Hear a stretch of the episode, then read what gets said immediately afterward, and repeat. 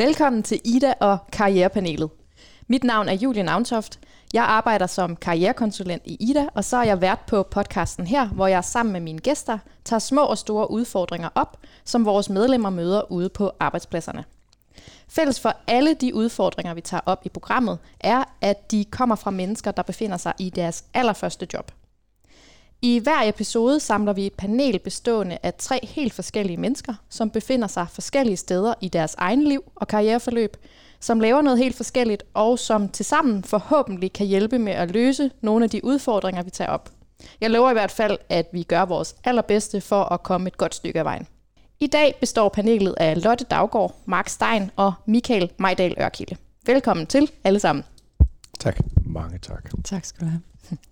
Lotte, du er 41 år og arbejder med HR, rekruttering, ledelsesudvikling og kompetenceudvikling i landbrug og fødevare. Det har du gjort i 6 år. Det er korrekt, ja. Uddannet psykolog. Ja. Mm. Hvor mange ansatte vil du gætte på, at du har været med til at rekruttere i dit arbejde her i landbrug og fødevare? Ja, det var et godt spørgsmål. Jeg har nok været med til at rekruttere i de seks år omkring 200. 200? Det er, Ej, det er måske lidt højt sat. 100, 170, 200. Ja. Det er mange. Mm. Er der noget sådan, er der en fælles nævner for, eller noget du kan sige sådan om det at rekruttere, altså noget, noget som alle de be- allerbedste har, for eksempel øh, et karaktertræk eller et eller andet, eller er det meget forskelligt? Altså, vi kigger efter noget forskelligt, afhængig af hvilken rolle vi vil besætte med rekrutteringen. Jeg tror, at det også afspejler sig i, hvad for nogle karaktertræk folk har. Øh, Men øh, generelt så er vi optaget af, at folk gerne må komme ind med en nysgerrighed og en åbenhed. Øh, Vi vil også gerne have, at folk kommer ind og tør udfordre det eksisterende. Øh, Og det kan man også godt nogle gange kigge efter ved, ved samtalerne. Så, så noget, min rolle primært, når vi rekrutterer, er jo også at lave, øh, vi laver kompetenceprofiler og en færdighedstest på dem, vi ansætter. Så det er jo også noget med at tale igennem den og prøve at... Man siger, I sidste ende er det vigtigste, at der, er, at der er et godt match mellem kandidaten og stillingen og en god kemi i forhold til den ansættende leder. Mm. Og det er jo sådan lidt min rolle at prøve at få, få det frem i samtalen om, om der er den kemi. Mm. Ja. Tak. Så har vi Mark. Du er uddannet diplomingeniør, chef for en afdeling, der hedder Digital Udvikling og Projekter her i Ida. Så vi kender hinanden en lille smule i forvejen. Det er rigtigt. Du har været i Ida i 6 år, 40 år gammel, og så har du tidligere arbejdet som softwareudvikler, før Ja. du blev øh, sådan leder og vigtig chef person. Mm. er det rigtigt? Det er rigtigt. Perfekt. Hvad er det sjoveste ved at være afdelingsleder for øh, en afdeling som den, du er for nu? Og det sjoveste, Mm. Øh, det er at se alle de dygtige mennesker øh, blive endnu dygtigere og lave mega fede løsninger for Ida og Idas medlemmer. Mm. Så den, den udvikling, der er i det, øh, vil jeg sige er det sjoveste. Ja. Se dem starte et sted og Ja. nå et eller andet andet sted hen. Præcis. Fedt. Tak og velkommen. Tak. Og Michael, Ja. rosinen i pølseenden, som man siger. 23 år, arbejder som student assistant i Centrica Energy Trading, læser til civilingeniør i Sustainable Energy Planning and Management. Jeps. Det lyder meget klogt. Det ved jeg så ikke lige. Men Du er lige startet i dit nye job. Ja. Mm. Hvad er det sværeste, synes du, ved at starte et nyt sted? øh, jeg synes, det er det der med, at man først og fremmest er der rigtig mange nye mennesker, man skal lære at kende.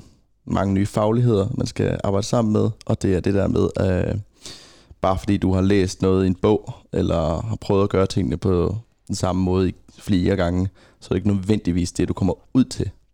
Øh, så det, det er hele den der med at vende det, man ved, til noget, der kan bruges der, hvor du er. Ja, Det giver god mening. Og det hører man også tit, at øh, så kommer man ud, og så det kan jeg i hvert fald huske for mig selv også, og så åbner man jo aldrig sine bøger igen. det kan godt føles som om, man har, men altså, man, det er jo fordi, man har lært det. Det må man huske sig selv på. Det er det, man skulle bruge. Ja, præcis. Lige præcis. Velkommen alle sammen, og tusind, tusind tak, fordi I har lyst til at være med.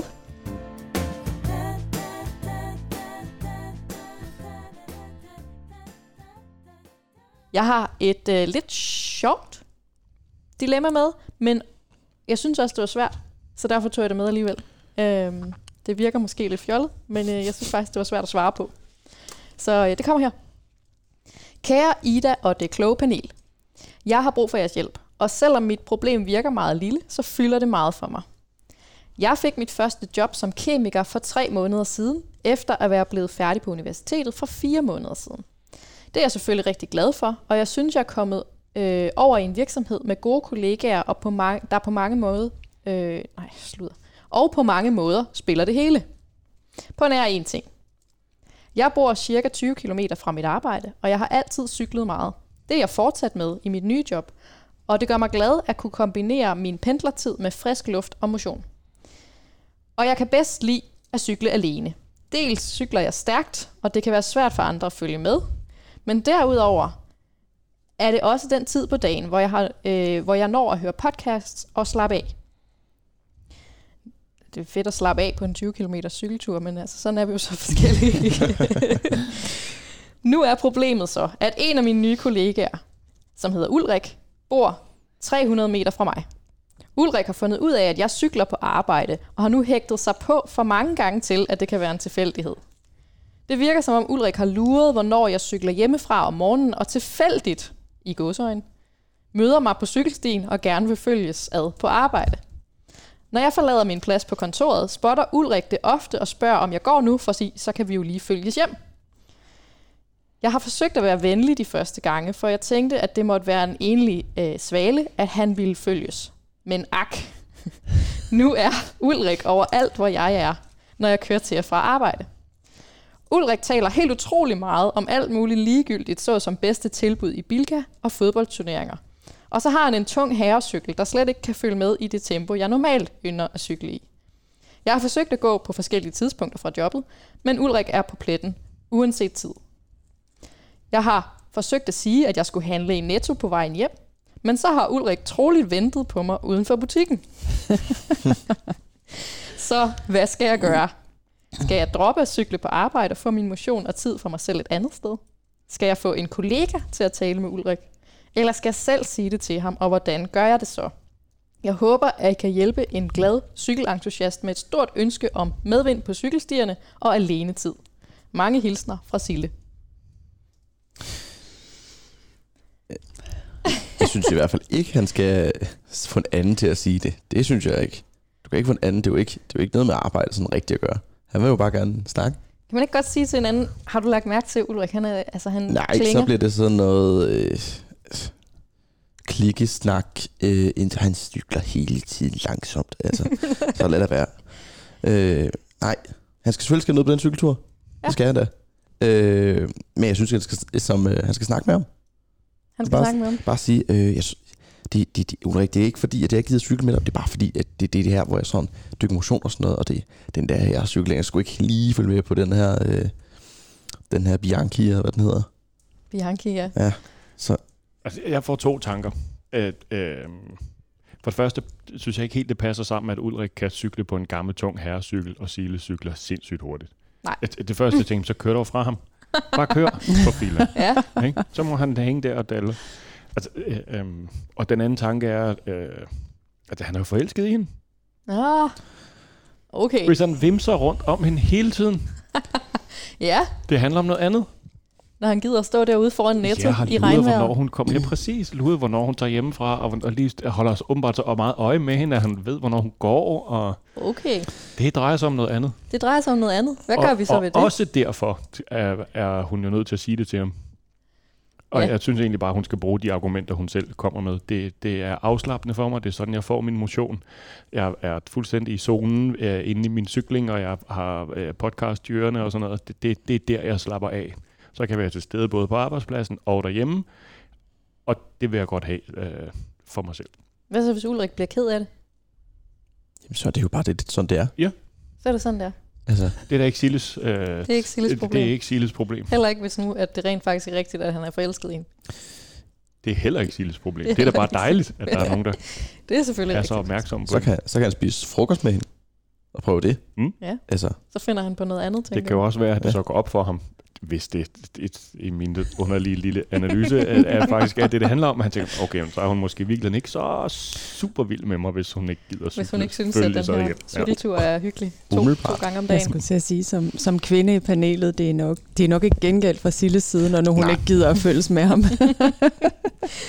Men, men altså, øhm, men, men det er da lidt svært alligevel at sige til en kollega, nu har hun heller ikke været der så lang tid, og, øh, og, og det, det er jo også lidt en afvisning, så jeg tænker, jeg er egentlig enig med dig, Mark, i, at hun skal sige det, som det er med sine egne gode argumenter, men hun skal selvfølgelig også være klar over, at det er jo en afvisning af Ulrik, som af en eller anden grund, om han så er forelsket eller har en drøm om også at køre øh, stærkt på cykel, så, øh, så vil han jo nok synes, det er lidt, øh, lidt træls, at Sille afvise. Det er jo sådan lidt det modsatte dilemma. Før var der en, der gerne ville være social med arbejdet, øh, og de andre ikke gad. Nu er der en her, der gerne vil være social med vores, vores kandidat, og nu gider Sille ikke. Nej, gider Sille ikke. Øh, På en eller anden måde træder de træder jo også ud af arbejdspladsen. Ja. Øh, det er jo ikke på arbejde, mens de cykler til og fra. Der må hun... Øh, øh, så sådan, jeg ved godt, det er nemmere at sige, end at gøre ude i virkeligheden, men de, de øh, hvad kan man sige, den kultur, de strukturer, der er inde på arbejdspladsen, gælder jo ikke ude på cykelstien. Mm. Der må Sille godt sige til Ulrik, jeg sy- synes, det er super nederen det her, og det, det skal jo så ikke have konsekvenser inde på arbejdspladsen. Mm. Nej. Øhm, jeg tror også, det kommer meget an på, hvordan man lige siger det. Fordi du kan jo ikke bare sige, undskyld mig, men øh, du er simpelthen så langsom, og du snakker om Bilka hele tiden. Jeg magter det ikke. Det skal jo mere være den der... Jeg skal tror du ikke, det vil virke, Michael? Det vil helt klart virke. altså, det vil det. Uden tvivl. Men jeg tror måske også, hvis man skal lige have sådan have arbejdsrelation på plads, det ved jeg ikke engang, om de, han er chef, eller hvordan det er. Så, øh, så bare lige sige, altså, det, det, altså det, det nemme, det er jo bare at cykle til. Hvis, hun, hvis han ikke følger Det synes jeg også var et fremragende for forslag. bare sådan, sådan, bare sådan kan høre den der knirkende kæde, rustne kæde, han cykler med, og så bare sådan sige, hov, skal jeg bare fyre max gas.